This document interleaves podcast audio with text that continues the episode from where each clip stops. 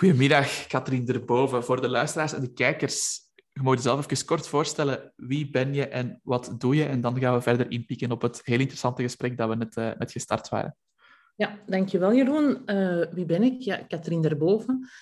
Uh, 52 jaar, um, economist van opleiding en tien jaar geleden een volledige switch gemaakt in mijn leven en richting coaching, therapie en rouw. Uh, en dat is hetgeen, daar ben ik uh, naartoe gegaan en dat is hetgeen wat ik nu ook professioneel doe. Dus ik uh, werk als psychotherapeut en coach, gespecialiseerd in rouw. En daarnaast geef ik ook trainingen. en dat is Alright. wat ik doe. En als zelfstandig ondernemer, ja, daar ben ik nu ook al tien jaar ongeveer mee bezig. Een combinatie ooit gedaan, nog mijn opleiding. Dus even deeltijds gewerkt en deeltijds gestudeerd. En nu ja, voltijds uh, ondernemer. Ja. Alright, serieuze carrière switch. Kun je even toelichten van waar dat je die switch gemaakt hebt? Wat was de reden voor u om, om zo te mm -hmm. switchen? Ja, de reden was eigenlijk, hetgeen waar ik nu gespecialiseerd ben, was rouw. Het was eigenlijk een heel diep rouwproces. Um, wat voor mij eigenlijk een, een, oproep was om iets anders te gaan doen. Of om iets dat eigenlijk al in mij zat, om dan nog meer te gaan uh, ontwikkelen. Want ik was ervoor al wel bezig met coaching en Um, en begeleiding en het, het, het, het, persoonlijke interesseerde mij al wel meer. Maar dat was voor mij echt een, uh, ja, een, het begin, het begin van, van, om daar naartoe te gaan. Ja. Oké, okay. en heb je zelf iets meegemaakt waardoor je daar, daar zo in, ingerold bent en, en daar interesse in ontwikkeld hebt? Ja, ja dus de, hetgeen dat ik heb meegemaakt is dat mijn beide ouders heel plots en heel bruut zijn gestorven. En um, ja, dat heeft voor mij heel veel in gang gezet. Zeker het, het overlijden van mijn moeder. Die is uh, in een verkeersongeval met de fiets uh, gestorven. En dat was wel heel een best pittige. En dat was eigenlijk wel het begin van... Ja, ik had twee universitaire diploma's, maar ik wist niet wat rouw was. Ik kende dat helemaal niet.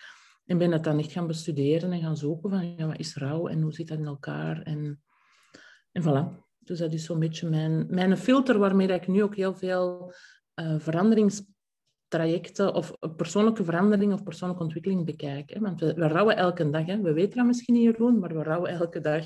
Nou. Ja, eerst en vooral gecondoleerd met, u, met uw verlies, want dat zijn dingen dat je meeneemt uh, ja. die een grote impact nalaten, ongetwijfeld.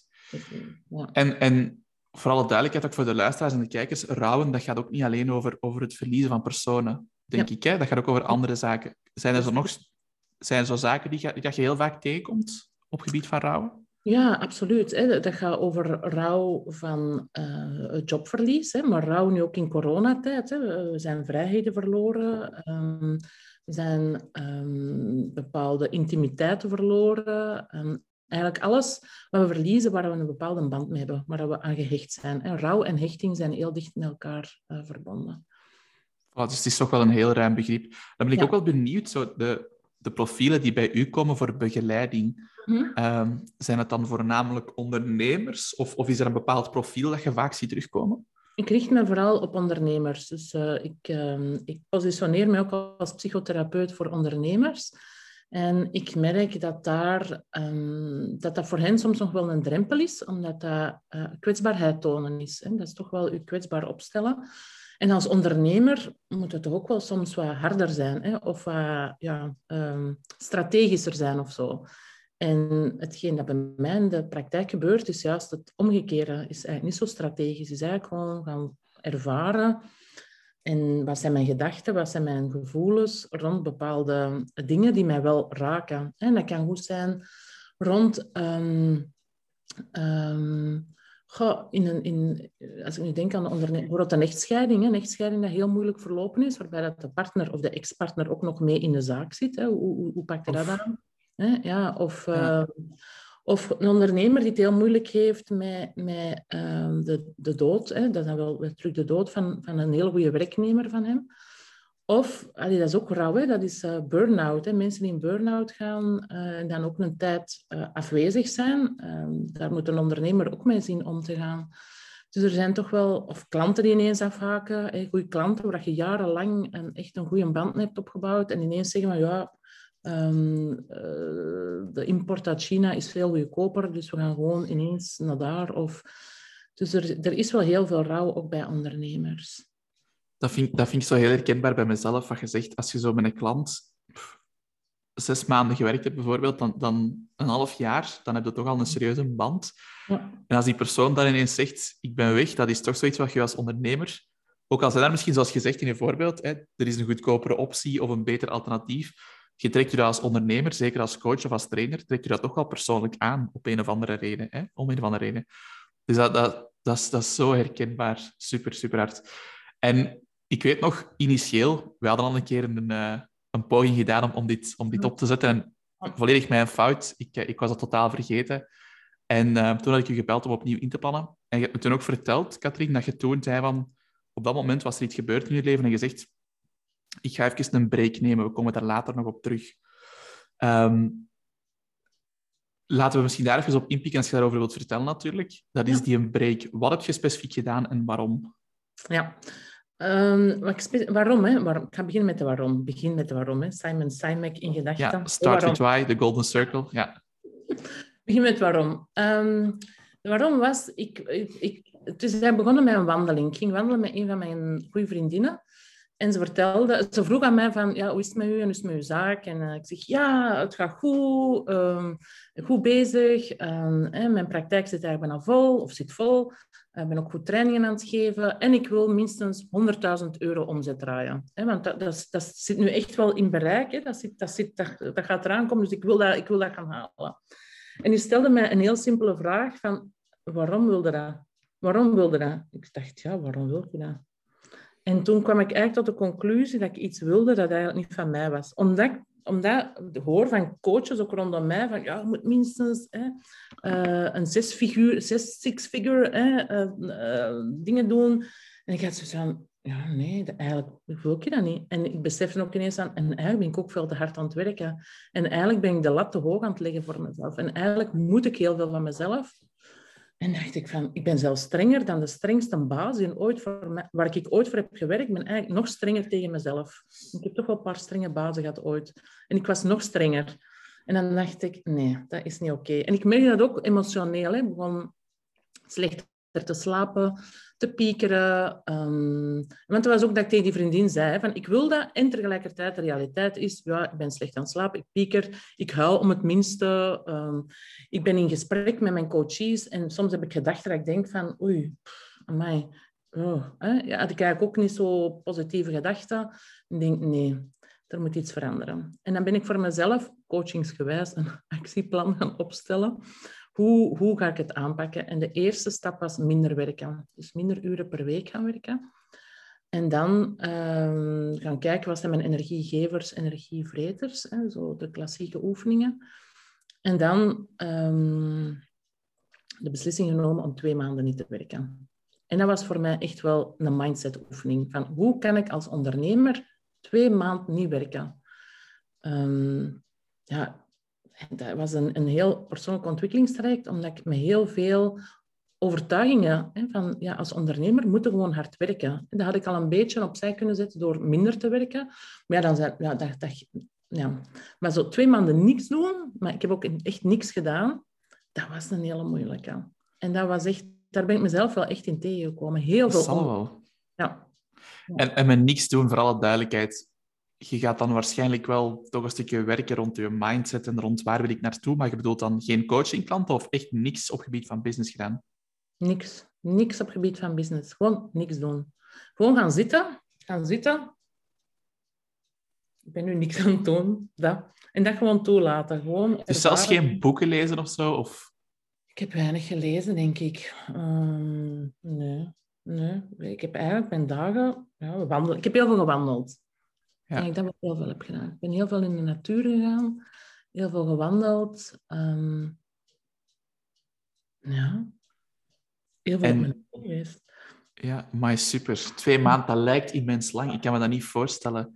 En heb je dan ook, want ik kan me voorstellen, als je dan zo volledig rust neemt, heb je dan ook echt je social media en zo uitgeschakeld en je mails uitgeschakeld, dat je daar totaal niet naar gekeken hebt? Is dat gelukt? Of, of was dat geen onderdeel van je Nee, dat was eigenlijk geen onderdeel van het plan. Um, ik heb wel tegen mijn uh, cliënten gezegd van ja, ik neem een twee maanden break. En de, ik had, daar had ik eigenlijk het meeste schrik voor, wat mijn cliënten tegen mij Ja, of, of, of gaan, gaan die stoppen? Daar zou ik ook schrik voor hebben. Hoeveel mensen blijven erover? En wat was het resultaat? Het resultaat was, ik kreeg heel veel begrip. Ehm, sommige cliënten zeiden tegen mij van, ja, jij, je gaat nu doen wat ik eigenlijk zou moeten doen. Ehm, en de meeste, ja, iedereen had er eigenlijk begrip voor, want ik had, ik had natuurlijk gezorgd voor een backup. Ik zeg, ja, als je ondertussen nog begeleiding wilt, dan heb ik nog wel een coach, een therapeut waar je naartoe kunt gaan. Maar niemand heeft er gebruik van gemaakt. En sommige mensen hebben dat ook gebruikt om het af te ronden, hè, maar de meeste zijn gewoon, hebben twee maanden gewacht en dan zijn we na de vakantie terug begonnen. En als je in percentages kunt uitdrukken, hoeveel mensen zijn er gestopt, ruw geschat? Um, ik denk een vierde, ik denk een kwart. Een kwart is gestopt. Ja. Eigenlijk valt dat heel goed mee, hè? Ja. ja, want daar had ik echt schrik voor. Van, oei, nu gaat dat allemaal stilvallen. En dan was Amai, ik zou echt schrik hebben dat ik gewoon van nul moet beginnen als ik dat zou doen. Maar dat is dus niet het geval. dat is al een geruststelling. Dat is al een geruststelling. Ik had, ik had wel, ik had, wel uh, ik had ook wel gezegd van als je echt. Want daar, ik wist dat ik mijn mails wel ging blijven lezen. Ik had wel gezegd, lees maar één keer per week mijn mails. Als je vragen hebt of als je ergens tegenaan loopt, zet het op mail. Hè? En dan, dan lees ik het en dan kan ik eventueel nog wel eens op een mail antwoorden. Dat wou, dat, maar, maar daar hebben ze ook geen gebruik van gemaakt. Okay. Dat hebben ze ook niet gedaan. Dat was, okay. uh, ja. Maar het was vooral, zoals je juist aangeeft, Jeroen, dat was heel spannend. Want twee maanden in een, in een, ja, in een ondernemersleven, dat is een, dat is een eeuwigheid. Hè? Twee maanden, er, allee, dat kan heel veel gebeuren. Ja, als je zegt, zoals daarnet, hè, je, je ambities lange, allee, lange tijd, ik weet niet of dat lange tijd was, maar uw ambitie is er toch geweest om echt te streven naar die 100.000 euro per maand.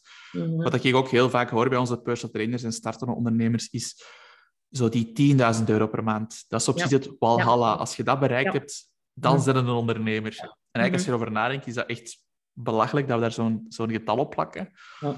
Wat is ook een beetje de, de ondernemerscultuur die er vandaag wel is. Dat is zo van, je moet daar cijfers op plakken en je moet dat heel concreet maken.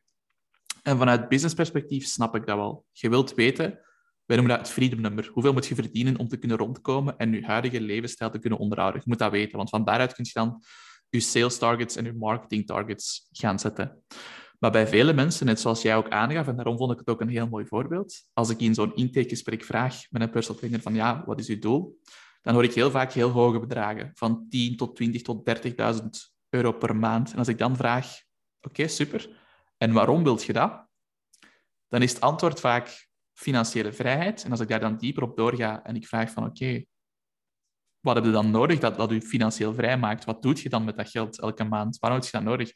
Bijna niemand kan erop antwoorden. Bijna niemand. En dat vind ik toch wel heel frappant, ook met uw verhaal, is dat ik echt wel die gelijkenis zie. En dan ben ik ook wel benieuwd naar het volgende. Als je dan zegt, ik heb twee maanden rust genomen, wat is dan de uitkomst geweest? Waar staat je dan nu? En hoe kijk je nu aan tegen uw business? Hoe pak je het nu anders aan dan voordien? Daar ben ik echt oprecht heel benieuwd naar. Ik wil nu een jaar, ik wil nu een jaar nu werken. Is het waar? Ja, ja. Uh, Stefan Sackmeister. Stefan Sackmeister, moet je maar eens zien, dat is een, volgens mij een Oostenrijkse architect, die heeft er een TED-talk over gegeven. Om de zeven jaar neemt hij en zijn bureau, een designbureau, nemen die uh, een jaar een sabbatical. Dus ook, zijn, ook zijn werknemers, sorry dat ik onderbreek, ook zijn werknemers. Ja, ook zijn werknemers, ja. ja, ja. ja. Ga ik eens dus, opzoeken. Ja, en dat, um, uh, gewoon om volledig te herbronnen. Om echt volledig te herbronnen en terug te gaan zoeken naar, ja, wat is uw waarom? Om terug helemaal in contact te kunnen komen van waarom doe je nu de dingen? Want het is waar, hè, dat zijn heel juiste vragen dat je stelt bij een intake bij je, bij je coaches. Van, ja, waarom doe je dat? En, en ja, om, om echt helemaal geconnecteerd te zijn met je waarom. Um, dus dat is eigenlijk het, het volgende dat ik wil doen. En de planning is, omdat ik zou graag over twee, drie jaar zou ik dat willen doen. Ja. Uh, om daar naartoe te werken. Eigenlijk. Want ik vind de ultieme rijkdom is tijd. Voor mij is tijd, ja, dat is eigenlijk het enige dat aan tikken is. Je hebt, uh, we hebben hoeveel weken? Ik dacht, uh, 10.000 weken, denk ik, zijn we hier op, op aarde. En dat is hetgeen dat gewoon wegtikt. Al de rest is ja, geld of allee, dat is allemaal wel. Dat komt en gaat. Ja, dat is vervangbaar. Ja. Maar tijd, hè, uw tijd, ja, ik, ik besef, en dat is eigenlijk gestart ook toen mijn beide ouders zo plots zijn overleden, dat tijd, dat is ook allemaal relatief. Hè. Um, dat het nu, nu te doen is. Um, dus dat, die twee maanden hebben mij er nog meer van uh, ja, besef, doen beseffen van uh, hoe kostbaar dat is, hoe kostbaar dat tijd is. En een van de, van de consequenties is bijvoorbeeld dat ik nu heel veel aan het schrijven ben. Dus ik ben heel veel aan het opschrijven ja, waar ik, wat, er van binnen zit. En dat klinkt misschien nu... maar om mezelf nog meer in ehm, uit te drukken op een of andere manier. Ja. Oké. Om mij nog meer te laten zien. Want dat was ook mijn eindwerk in mijn, mijn psychotherapieopleiding. Mijn eindwerk ging rond de zichtbare therapeut. Hè. Hoe kan ik mij als therapeut zichtbaarder maken? omdat um, dat is zo'n klassiek verhaal. Ik hoor dat heel dikwijls. En mensen vinden het niet moeilijk om iemand anders te verkopen of producten te verkopen, maar om jezelf te verkopen, dat is altijd een hele moeilijke. Hè. En, en ik merk door die twee maanden rust te nemen, dat ik het precies gemakkelijker begin te vinden om mezelf te verkopen. Ja. Uh, en over mezelf te vertellen, want verkopen, dat klinkt dan weer zo heel... Maar meer, meer nog mezelf te laten zijn. En ook uh, dankbaar te zijn als mens bijvoorbeeld um, unsubscriben, dus zich afmelden van mijn nieuwsbrief. In het begin had ik zo, oh nee, mensen melden zich af van mijn nieuwsbrief. Nu denk ik, dankjewel, want jullie zijn niet... Ja, dat zijn niet mijn doelgroep dus. Hè. Dus om meer uzelf nog te zijn, zodanig dat je ook echt mensen aantrekt die echt bij u passen. En dat is, dat is gewoon de valkuil die ik ook als beginnend ondernemer... Ik wou iedereen, ik wou iedereen, iedereen mag bij mij komen. Hoe meer, hoe beter. Hoe meer, hoe beter. Terwijl nu is het nee, het gaat echt over, over ondernemers, eigenlijk liefst vrouwelijke ondernemers, die uh, met rouw te maken hebben. En die openstaan voor psychotherapie of coaching. Ja, voor persoonlijke begeleiding. En dan merk ik dat ik meer en meer ervoor durf te staan. En ik heb nu ook onlangs ik vond het heel spannend, een persoonlijke mailing gedaan naar mijn, naar mijn lijst, um, waar ik vertelde ook over die twee maanden niks doen. Ik vond het heel spannend om dat gewoon zo te delen met, met allemaal mensen uit mijn netwerk. Ja. Met gemengde resultaten. Hè. Sommige mensen zeggen, oeh, dat is wel, ik weet niet of ik dat wil weten. En, maar heel veel ook van, ah, dat is wel mooi om dat te lezen en om dat ja, die daar herkenning in vinden. En dat is juist hetgeen dat ik wil bereiken, herkenbaarheid. Dat mensen zich beginnen te herkennen in hetgeen ik aan het vertellen ben. Ja. En, en, dat is heel mooi aan wat je nu vertelt. Wat ik vooral onthoud is ook ja, die zichtbaarheid, superbelangrijk. Ook voor onze trainers en coaches is super relevant. Kunnen we straks nog even op inpikken. Maar ook dat je misschien terug dichter bij je essentie staat, waardoor dat je in principe ook terug beter weet wat dat je naar buiten wilt brengen. Mhm. En zoals je zelf ook zegt, ja, als iemand je ontvolgt, als iemand unsubscribed, er is ergens toch altijd dat stemmetje in je hoofd dat zegt van wat heb ik verkeerd gedaan? Was mijn content niet goed? Heb ik misschien te veel verkocht? Heb ik mezelf te veel gepromoot? En in essentie komt het erop neer, zoals je zegt, er zijn gewoon altijd mensen die geen connectie voelen met wat je doet, met wat je vertelt. Maar langs de andere kant, de mensen die wel blijven, die hebben net een sterkere band met u. En daar moeten we dan op focussen. En dat vind ik zo sterk ook. En dat is in essentie de, de basis van marketing. Als je dat al weet, wie dat je bent, waar dat je voor staat, wie dat je wilt helpen, en je durft je ook kwetsbaar opstellen, want het is ook kwetsbaar opstellen. Het is ook je verhaal durven delen. En niet alleen zeggen, kijk hoe goed ik ben, kijk hoe fantastisch mijn leven is, maar ook dat stukje, in ieder geval dan je rouwproces delen en delen waar je mee struggelt. Dat vind ik zo sterk. En ik moet toegeven dat ik daar zelf nog heel veel groeipotentieel zie voor mezelf. Ik probeer wel af en toe mijn fouten te delen, maar zo, zo echt de, de dieperliggende dingen, zoals wat jij zegt, twee maanden vrij durven nemen.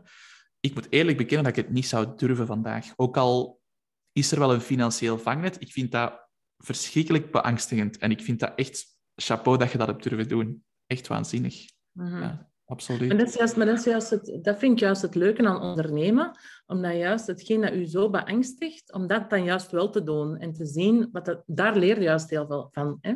Van naar de angst te gaan. En de angst, ja, en dan te zien wat het doet met u. En die vrijheid, want die vrijheid heb je juist als ondernemer. Van als je zegt van ja, daar, daar, daar krijg ik angst van. Hè. Bijvoorbeeld, ja, ik wil een bepaalde klant aan, type klant aantrekken, maar daar heb ik eigenlijk een beetje schrik van, dan er juist wel eens naartoe te gaan en te zien wat zou dat geven. En uw mindset daar rond ook te gaan onderzoeken van wat zijn mijn beperkte overtuigingen en dergelijke er rond. En wat zou mij wel kunnen helpen qua overtuigingen dat gevoel zou helpen. En, en, ja. Dat is zo sterk en zo interessant. Oh, ik zou er echt heel lang over kunnen babbelen. Nu wel een praktische vraag. Als je zegt, ik ga binnen twee, drie jaar proberen om een jaar volledig vrij te nemen.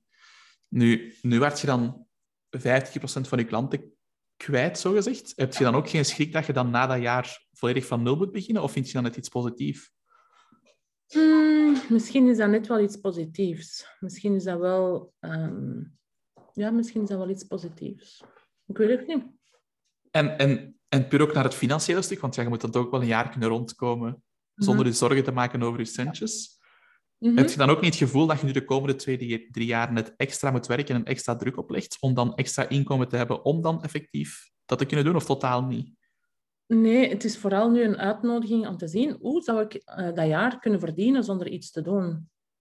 Dus hoe kan ik dan passief inkomen krijgen gedurende dat jaar? Dus dat, dat zet me wel aan, want uh, ja, hoe kan ik dat dan eventueel met een business anders organiseren, dat dat toch blijft doorlopen? En vandaar dat ik nu al aan het voorbereiden ben door heel veel wat er in mij zit naar buiten te brengen. Zodat ik dat eventueel... Nu het eerste wat in me opkomt is in online programma's of ik weet niet wat te steken. Um, maar um, ik weet het niet. Dus de, het feit dat ik dat wil gaan doen, geeft al heel veel... merk dat dat heel veel creativiteit naar boven brengt en heel veel energie. Um, het enige dat ik wel wil blijven bewaken, is om het te blijven begrenzen. Dus zorgen dat ik, dat ik echt wel niet terug in de valkuil trap van, het, het, van veel te moeten. Maar wel het onderzoek, gewoon het onderzoek te doen. Maar zoals je zegt, dat is, dat is het mooiste, mooiste geschenk dat je hebt als, als ondernemer, is de vrijheid. Is, Je legt eigenlijk alleen verantwoording af naar jezelf, maar zoals je zelf ook aangeeft, we zijn vaak onze eigen strengste baas. Hè?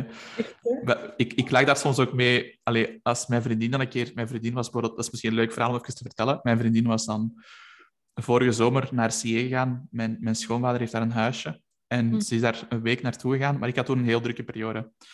Dus ze vroeg naar mij van, gaat je niet mee? Maar zo week na week. Ja. En op een bepaald moment zitten we aan tafel en ze stellen het vraag van, ja Jeroen, heb je nu al besloten, ga je mee of niet? Ik zei van, nee, ik ga niet mee, want mijn business zit eigenlijk in een belangrijke fase. Ik, had, ik was toen bezig met, met mijn eerste werknemer aan te nemen. Dus ik dacht, ik ga dat risico niet nemen. Mhm. En dan zei ik van, ja, ik heb beslist, ik ga het toch niet doen. En dan zei, dan zei mijn schoonvader ook van, zeg amai, je hebt wel een strenge baas, hè? je moet daar toch eens goed mee klappen. Maar die weet dat ik zelfstandig ben. Dus dat En voor mij, dat is zoiets wat wel blijft hangen. Mijn vriendin zegt soms ook tegen mij van, ja, je moet wat minder streng zijn voor jezelf. Maar ja, hoe doe je dat, Katrien? Wat is het antwoord op die... Hoe, hoe, hoe begint je daarmee met enerzijds minder streng te zijn voor jezelf en anderzijds, ja, dat je, dat je die vrijheid die je eigenlijk wilt opbouwen als, als ondernemer, dat je daar echt van geniet, van die extra tijd. Want zoals je zegt, geld komt en gaat en uw tijd is eigenlijk je meest waardevolle bezit. Ja. Dus hoe ga je dat als, als jonge ondernemer, want de luisteraars zijn toch meestal redelijk jonge ondernemers nog, mhm. hoe, hoe ga je daar in hemelsnaam mee, op, mee om? Want je hebt eigenlijk, allez, om het even cru te zeggen, je hebt nog niet veel opgebouwd, je hebt ook nog niet veel bewezen, dus, dus hoe doe je dat dan? Mhm. Ja, um, hoe, hoe zijn je minder streng voor jezelf? Dat zijn verschillende, verschillende manieren voor. Hè. De eerste manier is eigenlijk eh, zorgen dat je een goede buddy hebt. Ik heb ook een buddy, ik heb een supervisor, want hij is verplicht als psychotherapeut. Dus ik, heb een, uh, ik ga er elke maand mee, mee praten. Uh, maar daarnaast heb ik een buddy. En die buddy is eigenlijk iemand waar ik terecht kan met mijn vragen, met mijn zorgen, met mijn um, twijfels. En zij zet dat altijd wel een beetje in perspectief. Dus zij is eigenlijk een beetje de zachtere stem, dus een minder strenge stem. Um, dus dat is al het eerste. Zoekt u gewoon een buddy. Zoekt iemand waarmee dat klikt en waarmee dat je voldoende vertrouwelijkheid voelt om ook dat kwetsbare en ook dat strenge van jezelf wat te delen. Um, een tweede is, er wordt nu heel veel onderzoek gedaan naar zelfcompassie. Dus hoe kunnen uh, zelfcompassie voor jezelf, hè, dus die zachtheid voor jezelf ontwikkelen. En Christine Neff, dat is een Amerikaanse psycholoog, die heeft er al wat onderzoek rond gedaan, heeft er ook boeken rond geschreven en ook oefeningen. Dus er is een website van haar waar ze gratis uh, oefeningen geeft hè, om, om te leren met jezelf ja, vriendelijker te communiceren, zachter te communiceren. En dan de derde laag, en dat is de diepere laag, dat is psychotherapeutisch bijna, hè, dat is van de strenge stem is eigenlijk een stem die we hebben geïnternaliseerd. Dat is eigenlijk een stem van iemand uit ons verleden. Dat is een moeder of een vader of een leraar of iemand die ooit heel streng tegen ons is geweest. En die wij op een of andere manier hebben geïnternaliseerd en die nu aan het spreken is. En dat is ook wel interessant om die eens te onderzoeken. Van, van wie is die stem eigenlijk? Ik heb jaren bezig geweest aan ja, wie, wie is er nu eigenlijk aan het spreken? Hetgeen ik nu in mijn hoofd hoor, is? Wie is dat? Ben ik dat? Of is dat mijn moeder? Of is dat mijn vader? Of is dat mijn strenge juffrouw van uh, het vijfde studiejaar? Hè? Dus om daar ook een stuk in te gaan, die stem ook te gaan verkennen. En die ook een stuk los te laten. Maar dat is dan meer psychotherapie, Jeroen. Dus dat is al, of ja, coachen, je kunt dat coachen doen. Voice dialogue is er bijvoorbeeld een heel interessante techniek in, om die verschillende personen die, die deel uitmaken van je persoonlijkheid, om die uh, verschillende stemmen... Ik had al langs een coach, ik zeg, ja, welke stem is dat dan? Stem, stem. Ik hoor een stem in mijn hoofd. Ik zeg, ja, inderdaad, een stem. Maar iets anders, hè, gedachten. Gedachten, je hebt allemaal verschillende gedachten. Ja. Dat, is misschien ook wel... Voor sommige mensen is dat zo abstract, dat die dat... Of misschien niet abstract genoeg, waardoor dat ze dat moeilijk kunnen plaatsen. Als je spreekt over een stem, dus je moet daar ook wel kunnen in inleven. Maar gedachten, hè, zijn allemaal verschillende gedachten hè, die we dan hebben. Ja, ik vind dat wel super interessant. Je hebt ook al wat, wat heel leuke tips meegegeven. Nu zo'n buddy, ik denk dat dat heel praktisch toepasbaar is. Hoe kiest je nu zo'n buddy en hoe begint je daaraan? Hoe kies je zo'n buddy? Um, ja, ik zou wel een, uh, gaan kijken in hun netwerk. Van, is er iemand die zo op hetzelfde niveau aan het functioneren is, maar zo misschien net iets beter? Hè? Het is wel een stapje, misschien een stapje voor u is op een bepaald vlak. Hè? Misschien zijn je een stapje voor op, iets aan, op een ander vlak. Uh, maar, weet dat, maar weet dat het klikt. Dus dat kan goed zijn dat je eens kijkt in je omgeving. Ja, mijn buddy is, is ook coach um, en zij, uh, zij is met heel andere dingen bezig. En dat is ook wel tof, uh, dat je niet allebei met hetzelfde bezig bent. Dus dat je toch net iets anders, hè? Dus dat je ja. een specialisatie hebt of, of zulke dingen. En, en vraagt van, kijk, zullen wij dit samen doen? Is, uh, is een experiment. Hè? Want ik geloof heel hard in de kracht van het experiment. Van dat je gewoon zegt van oké, laten we dat een paar maanden proberen en dan terug evalueren en zien, werkt dat voor u, werkt dat voor mij, wat kunnen we ervan leren en willen we het dan nog verder zetten. En je probeert eigenlijk voor elkaar een soort van meerwaarde te creëren. Dus het is vooral duidelijkheid, je betaalt niet voor een coach. Je gaat echt gewoon... Nee, nee, we gaan gewoon met... Nee, je betaalt, wij betalen elkaar niet. Je geeft elkaar tijd. Tijd en ruimte om te delen. Ja. Zoals met, met duiken, hè, voor mensen die aan diepzee-duiken doen. Duiken, je duikt ook altijd met twee. Ja. Dus dat is hetzelfde hier in een buddy. Ja. Een buddy. Super interessant, super, super praktische, praktische tip. En, en dan een stukje zelfcompassie. Um, kun je daar misschien een beetje op inzoomen, hoe dat, juist in zijn werk gaat? Is dat echt gewoon ja, leren minder hard te zijn voor jezelf? Precies, dat is inderdaad dat leren. Hè. Leren om minder hard te zijn voor jezelf en leren om, uh, zoals je de strenge, uh, de strenge gedachten hebt, zo heb je ook liefdevolle gedachten. Want er, er, het gaat erom van, om je om uw, um, energie ook een stuk te richten op iets dat je graag, op iemand die je graag ziet of op iets dat je graag doet. Hè, door een andere gedachte toe te laten, komt ook in een andere state. Dus je lichaam reageert ook direct op die gedachten. Dus als ik nu denk van, ah, ik moet heel hard mijn best doen, ik moet, uh, dan raak ik helemaal in kramp. Hè, want dan, dan oeh, en als ik mezelf bekijk... En dan blokkeer je eigenlijk. Dan blokkeer ik. Terwijl als ik nu iemand in gedachten uh, voor de geest haal die ik graag zie, of, of iets uh, dat, dat, ik merk van, ja, ik doe dat wel graag, ehm, dan is mijn energie anders en dan is mijn lichaam anders en dat verandert gewoon. Dus je gedacht, ik geloof heel hard verander je gedachten, verander je lichaam. Ja. En verander ook uw, uw, dat verandert ook je emotie. Of je gevoel. Je gevoel, dat verandert je gevoel. Ja, ja goh, dat mentale aspect is zo, is zo fascinerend. Ik zou daar echt nog duizend vragen over kunnen stellen. Ja, dat is zo belangrijk. Jeroen, dat mentale. Ik, ik, uh, want je zou denken, als psychotherapeut zijn heel veel met dat gevoel bezig of met emoties bezig, maar mentaal is ook wel... En zeker als ondernemer vind ik dat ook een heel belangrijke. Om, om je mentale gezondheid hè, en om, om je mentale uh, uh, fitness ook te doen. Dat je mentaal gewoon goed blijft.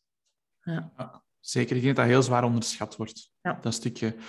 En ik moet je eigenlijk nog bedanken voor... Allee, op een of andere manier bedanken, want door dat gesprek dat we toen hadden aan de telefoon, en je had toen verteld, er is van alles gebeurd in mijn omgeving. Mm -hmm. uh, en je zei, ik ga een tijdje vrijpakken. Mm -hmm. En het was voor mij toen zo'n drukke periode, dat ik daar ook wel beginnen over nadenken ben. Ik weet nog dat ik toen met mijn vriendin gaan wandelen ben. We proberen we gaan straks ook wandelen als het goed weer is. Elke dag doen wij ons turken hier in het bos ook. Even ja. deconnecteren, even ontspannen, even babbelen over onze dag. Mm -hmm. En het was, denk ik, een paar weken na dat telefoontje dat ik ook tegen mijn vriendin zei van wij willen eigenlijk al zo lang reizen. We willen een stukje van de wereld zien. We willen een stukje ja, meer genieten van het leven. Want we zijn nog jong, maar ik wil echt niet wachten tot mijn pensioen om te genieten van het leven. Zoals gezegd, uw tijd, hè, dat is, je moet je pakken nu, nu dat je me hebt. Je weet nooit wat er ondertussen gaat gebeuren. Dus ja hebben dat eigenlijk altijd uitgesteld door COVID. Puur door COVID. Want het is veel administratie nu, het is toch niet zo makkelijk, onze keuzes zijn beperkt. En toen, toen had ik echt zoiets van, zeg, we zijn hier gewoon aan het werken, aan het werken, aan het werken, want we werken allebei van thuis. En voor de rest, ja, familiebezoekjes, dit en dat, in de mate dat dat natuurlijk mag. En we hebben gewoon gezegd, we gaan dat gewoon doen. We hebben dat dan gedaan. Dus binnen twee weken vertrekken wij voor twee maanden naar Thailand. Het is wel een werkvakantie, dus we gaan er wel werken. Maar als ik daar nu op terugkijk, denk ik nu al van, waarom heb ik dat gewoon geen, laten we zeggen, anderhalf jaar gedaan? Want toen kon dat ook al.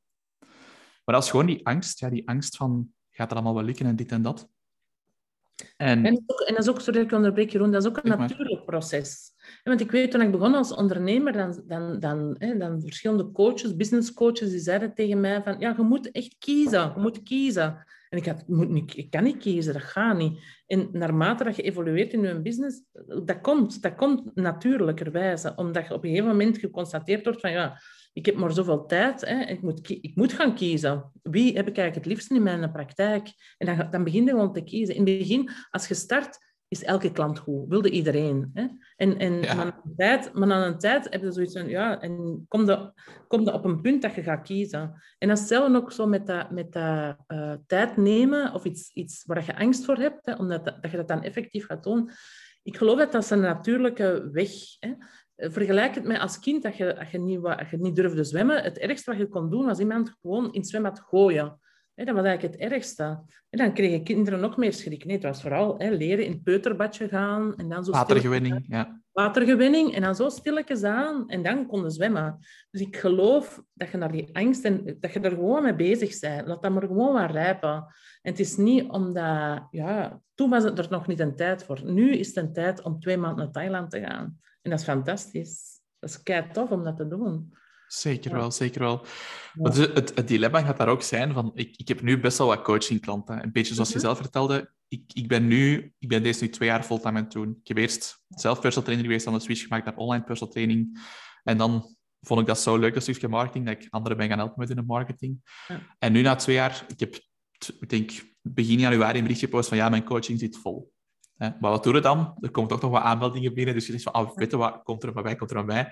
Dus nu echt wel over mijn limiet. Maar nu dat ik weet dat ik naar Thailand ga, ben ik ook wel bezig met, oké, ik wil terug meer tijd nemen, omdat ik kinderen ook wil genieten. Mhm. Dus ik ga kinderen ook echt wel proberen van ehm, drie dagen per week vrij te nemen en vier dagen te werken. Ja. En dan komen we terug tot een stukje wat je daarnet zei, en dat vind ik wel altijd fascinerend. Als je spreekt over een passief inkomen, hoe kun je dat volgens u dan als coach bereiken? Mhm. of, of wat is uw plan daarbij om, om daar naartoe te werken? Want ik geloof zelf niet helemaal in passief inkomen. Ik vind dat misschien een verkeerde term. Maar ik geloof natuurlijk wel dat je systemen en processen kunt opzetten en dat je reputatie kunt opbouwen als coach binnen je marktsegment, mhm. waardoor dat je natuurlijk wel in minder tijd evenveel kunt verdienen.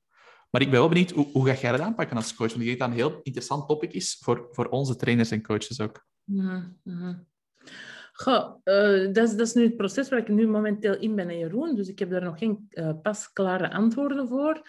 Um, maar waar ik wel aan het denken ben, is de, de kennis en de know-how die ik nu heb, uh, om die op een of andere manier te delen. Dat kan zijn door een boek of door lezingen of door online dingen, dingen te maken.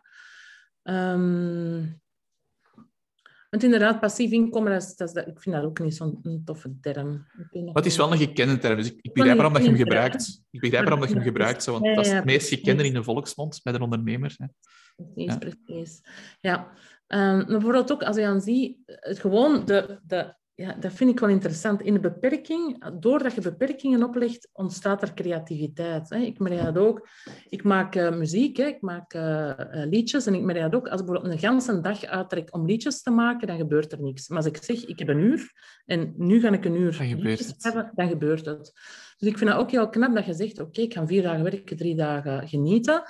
Uh, als je daar gewoon met die vraag even rondlopen en zien, wat komt er dan? Hè? Wat komt er dan naar boven om eventueel op die vier dagen dat je werkt, om nog efficiënter te kunnen werken of meer mensen te bereiken. Um, en te zien waar kun je eventueel... Uh, ja, eigenlijk is dat... De diepere vraag is, waar ligt juist je meerwaarde? Wat is hetgeen dat je doet? Wat, maakt, waar, waarin maakt jij juist het verschil? Um, want ik weet, ik, doe nu ook nog dingen waar ik misschien geen meerwaarde, waar ik andere mensen eventueel zorg kunnen inhuren. Hè. Maar op dit moment ja, is dat nog niet aan de orde, maar dat is wel een interessante ook van... Dus je wilt eigenlijk een beetje inzetten op je talenten en daar echt volledig voor gaan. Ja, ja, ja. ja en vooral die, die creativiteit uh, er rond toelaten. Want het is niet... Uh, ja, ik ben benieuwd welke oplossingen er dan uit de bus komen, hè, maar dat zijn mijn oplossingen. Ik weet niet of die gaan toepassen, toepasbaar zijn op iemand anders. Maar ik geloof wel ik geloof wel ja, dat meer en meer gaan zoeken is van waar ligt precies mijn meerwaarde. En dat ook gaan vragen bij je klanten. Hè?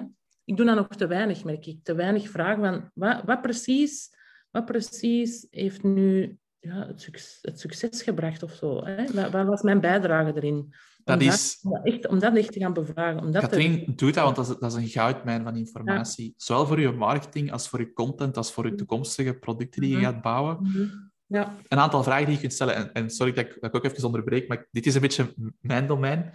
Um, maar durf echt gaan vragen van, hey, um, hoe heb je mij ontmoet? Waarom heb je voor mij gekozen? Wat was het punt dat je beslist hebt om mij te werken?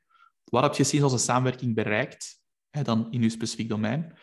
En, en ook, waarom zou je mijn diensten bijvoorbeeld aanbevelen bij, bij je collega's, bij je vrienden? De antwoorden op die vragen, plus dan nog eens de vraag, um, wat vind je mijn sterkste eigenschap als coach? De antwoorden op die vragen, dat is, dat is eigenlijk alles wat je nodig hebt. Zeker als de antwoord komt van je ideale klant waar je graag mee werkt. Dat zijn de antwoorden, dat zijn de zaken die je nodig hebt om echt te gaan zien van oké, hoe kan ik nu meer van dit soort klanten aantrekken? Hoe kan ik daar content rond bouwen? En, en ook, hoe kan ik sterkere producten bouwen? Dus ik denk dat daar misschien een stukje het antwoord voor je ook ligt van hoe kan ik nu uh, iets, iets gaan bouwen dat ik, dat ik meer vrijheid krijg qua tijd. Ja. Want iets wat je heel erg ziet, en dat wil ik misschien ook even delen, omdat ik denk dat dat heel interessant kan zijn, is uh, in onze sector, dat zijn dan de coaches die meer vrijheid willen, vrije tijd willen. En evenveel mensen helpen in minder tijd. Dat is groepscoaching. En groepscoaching wil dan bijvoorbeeld zeggen, we gebruiken de drie C's, coaching, content en community. En uw content, dat is, zoals je daarnet ook zei, dat is een cursus bouwen. Je kunt al kennis uitpakken in een traject, waar dat uw klanten zelfstandig mee aan de slag kunnen. Maar we weten ook, als je enkel die cursus geeft en ze hebben geen support, geen stok achter de deur, dat het succesratio heel laag ligt. En dan heb je de tweede C van coaching. En bij de coaching kun je dan zeggen van, kijk, we doen elke week of elke maand doen we een coaching call in groep en al je klanten kunnen dan hun vragen stellen of kunnen nu één keer per week een mail sturen, waarbij je dan feedback geeft, waarbij je ze verder helpt, dat ze echt gewoon die struikelblokken die ze tegenkomen kunnen overwinnen.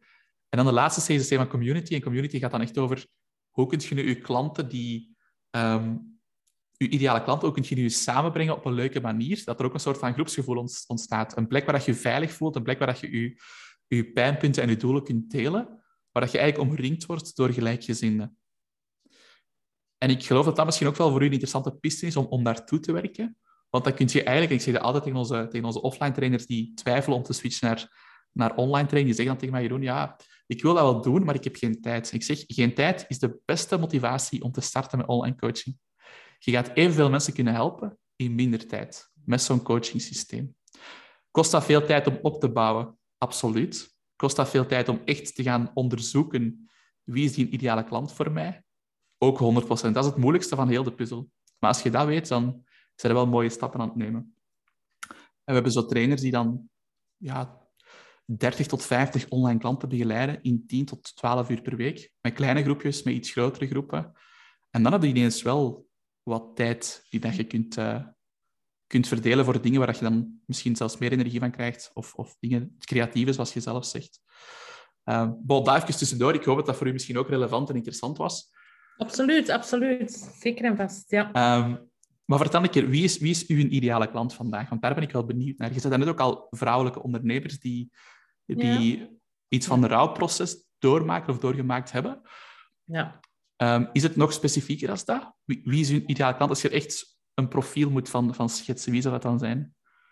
Ja, uh, zo het profiel is, is, een, is een vrouw uh, tussen de 35 en de 55 die ja, met rouw is geconfronteerd, hè, die een, een substantieel verlies heeft geleden. Vaak is dat echt scheiding. Um, maar dat kan ook zijn uh, ongewenst kinderloos, um, verlies van gezondheid, um, burn-out. Dat is ook een rouwproces. en die daarvoor ook wel naar zichzelf wilt kijken. Hè? Die, die niet zegt van oké, ik ga uh, medicatie nemen of ik kan daar de andere... Maar die wel dat aangrijpt om een stukje naar zelfontwikkeling te gaan. Die zegt van, ah, dit is misschien wel iets om, om aan mezelf te werken. En daardoor ook een ingang krijgt om aan haar bedrijf te werken. En dat is voor mij een... Uh, ja, hier kruisen twee belangrijke wegen. Mijn economie, mijn economische weg en mijn uh, psychologische weg kruisen daar. En dat vind ik wel heel interessant. Um, hoe, dat, hoe dat je als mens um, je ondernemerschap beïnvloedt en vice versa. Hè? Hoe, dat dat dan, hoe dat je dat nog bewuster kunt gaan inzetten. Um, en dat is zo, ja, het is iemand die, die uh, wel doelgericht is, hè, die um, wel weet wat ze wilt in het leven, haar, vrouw, vrouwtje wel kan staan, um, dat krachtig is en tegelijkertijd ook wel nog wat zoekende is. En zoekende naar, ja, wat is dat, wat is dat, wat is, wat is vrouwelijk ondernemerschap? En ik denk dat we daar nog te weinig rolmodellen ook in hebben. Um, want ik denk dat dat wel iets anders is als vrouw ondernemen en als man ondernemen. Um, al is dan maar ja, de combinatie van heel veel rollen die vrouwen op zich nemen, maar ook de onzekerheden die vrouwen ook nog altijd hebben. Ja. van, van, ja, dus ik ben er wel, ja, ik vind dat wel heel interessant om dat nog verder uh, te onderzoeken. Ik merk dat ook als leidinggevende, als ik vroeger als, direct, als directeur werkte, was dat, ook, was dat ook op zoek gaan van hoe doe je dat nu als vrouw, hè, zonder zo de, de man te willen zijn. Hè. Uh, het is ook statistisch aangetoond, en dat sluit een beetje aan bij wat je zegt, dat vrouwen die durven van nature uit minder risico nemen. Mhm, ja. Die, dus die angst zit daarmee. Dus ik denk daar heel veel potentieel zit om, om, die, om die dames ook wel te helpen. Um, ja. het, het voordeel is dan ook wel dat de vrouwen dan iets meer punctueel zijn. Dat is, dat is wel een voordeel in het ondernemen, maar dat is dan ook weer het nadeel als je dan te punctueel bent, zet het te streng voor jezelf. Dus dat komt dan ook weer terug. Allee, dat merk ik toch bij, bij de personal trainers die ik begeleid. Hè. Het verschil tussen de mannen en de vrouwen. Mm -hmm. nee, super interessant topic ook. Ja. Um, nu, Katrien, als, als uh, een personal trainer bijvoorbeeld bij u komt en, en die mhm. persoon heeft bepaalde angsten en, en die geeft ook aan van ik, ik uh, leg te veel druk op mezelf. Iemand die kampt met zo, echt zo, zo wat burn-out symptomen. Mm Wat zouden dan de eerste adviezen zijn die jij geeft naar zo'n persoon toe? Mm Als mensen met burn-out komen, uh, werk ik altijd op minstens twee lagen. Hè. Eerst gaan zien van wat, wat, kunnen we doen op heel korte termijn om het laaghangend fruit, hè, om, om, om op korte termijn terug al een beetje energie te krijgen. En als dan op zoek gaan naar waar zijn de energiebronnen in iemands leven. En dat kan zijn van, oh, ik wil wat meer met mijn kinderen spelen, of ik wil wat meer tijd doorbrengen met mijn partner, of ik wil meer tijd voor een hobby, uh, zulke dingen.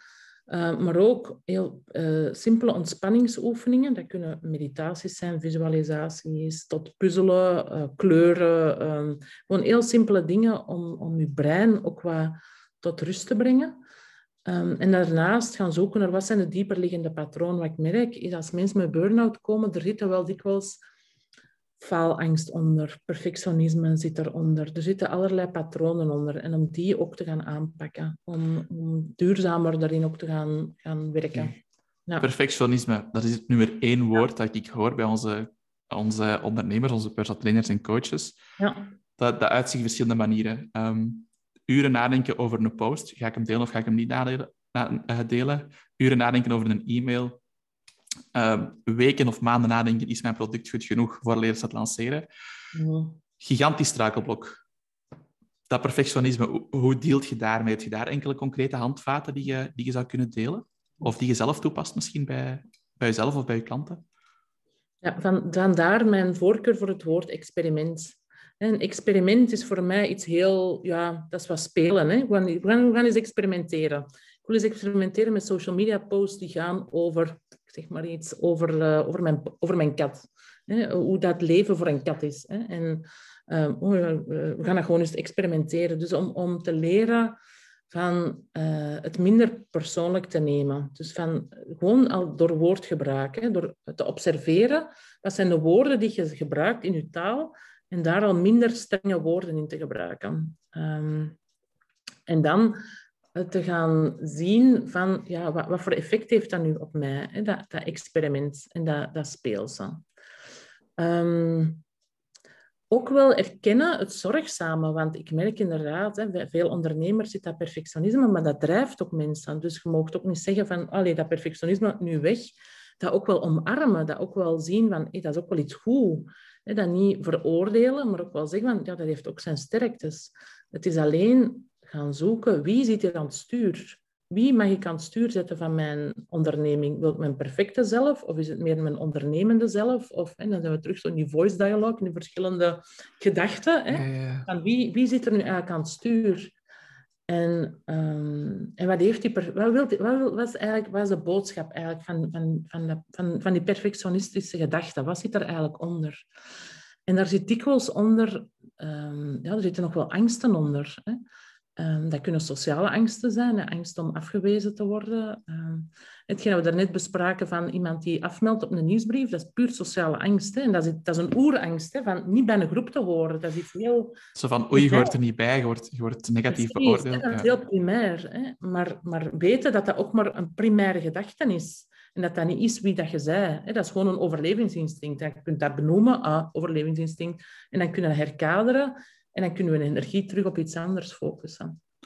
Dus dat is eigenlijk wel, wel fase 1, een beetje die bewustwording. Het een naam kunnen geven, het een plaats geven. En dan kun je eigenlijk verdere stappen nemen. En dan experimenteren met ander gedrag. Hè? En dan zien van, ah, oké, de wereld is niet ingevallen. Nu dat ik wat social media posts over mijn kat heb gezet, bijvoorbeeld. Dat is een stom voorbeeld. Maar um, eigenlijk hebben we er wel toffe reacties op gekregen. Oh, er was ook wel iemand minder, uh, maar over het algemeen was dat wel een goede reactie. Dat, dat gewoon gaan testen.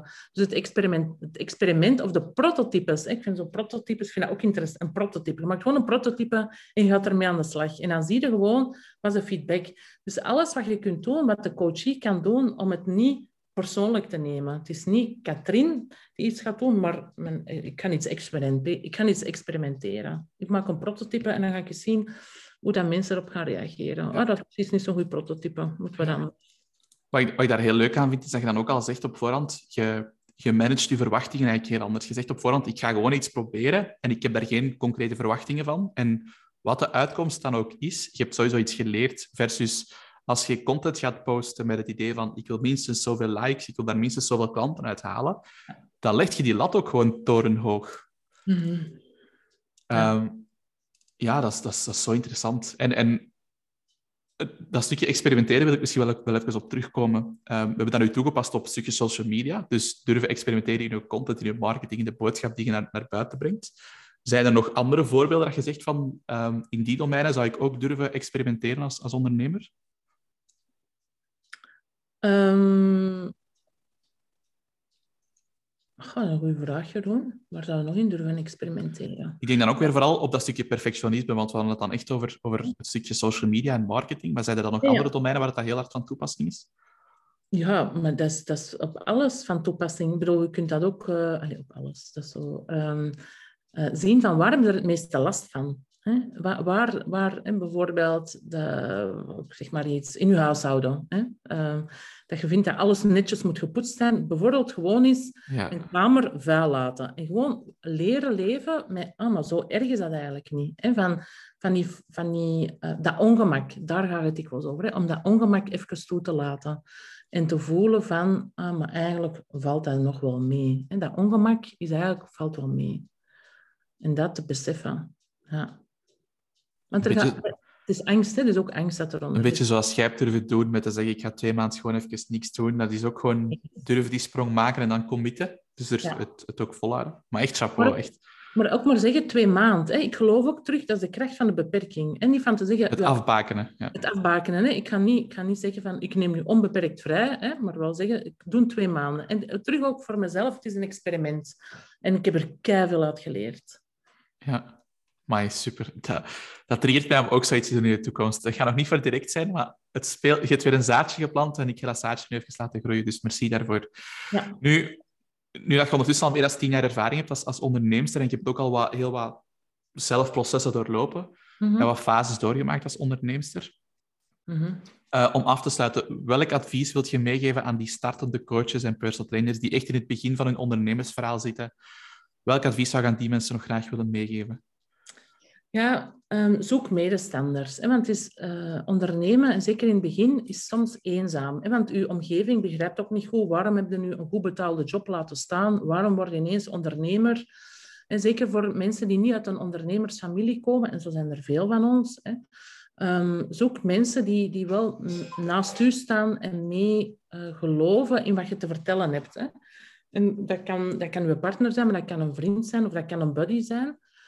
Um, ten tweede, en daar geloof ik echt in, het is niet omdat ik dat zelf ook doe, maar om ook te investeren in je eigen ontwikkeling. Hè, om coaching, om gewoon een coach. Ik heb uh, sinds ik coaching heb ontdekt, denk dat ik altijd al een coach heb gehad.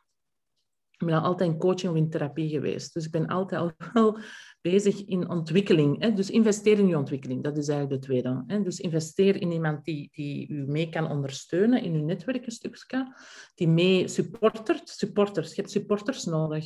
Mensen die geloven in hetgeen dat jij al aan het doen bent. Ook al geloof, die eigenlijk al verder geloven in u dan dat jij zelf gelooft. En tweede is uh, investeer in je persoonlijke ontwikkeling. En ten derde, lees boeken. Lees boeken, voilà. Maar dat ben ik, hè. Ik lees heel graag. Dus, uh... ja. En ten vierde, mediteer. Oké, super. Ja.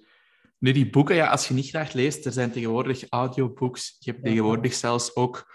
Er is samenvattingen. Zo... Samenvattingen. Samenvattingen heb je tegenwoordig zelfs ook al. Maar ik denk dat dat ook een hele goede tip is. En je zei dat net ook al, Simon Sinek toevallig.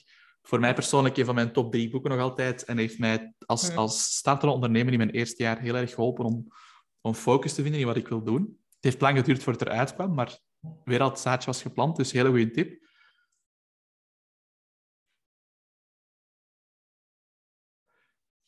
En de connectie is net verbroken, dus ik ga even contact opnemen met Katrien.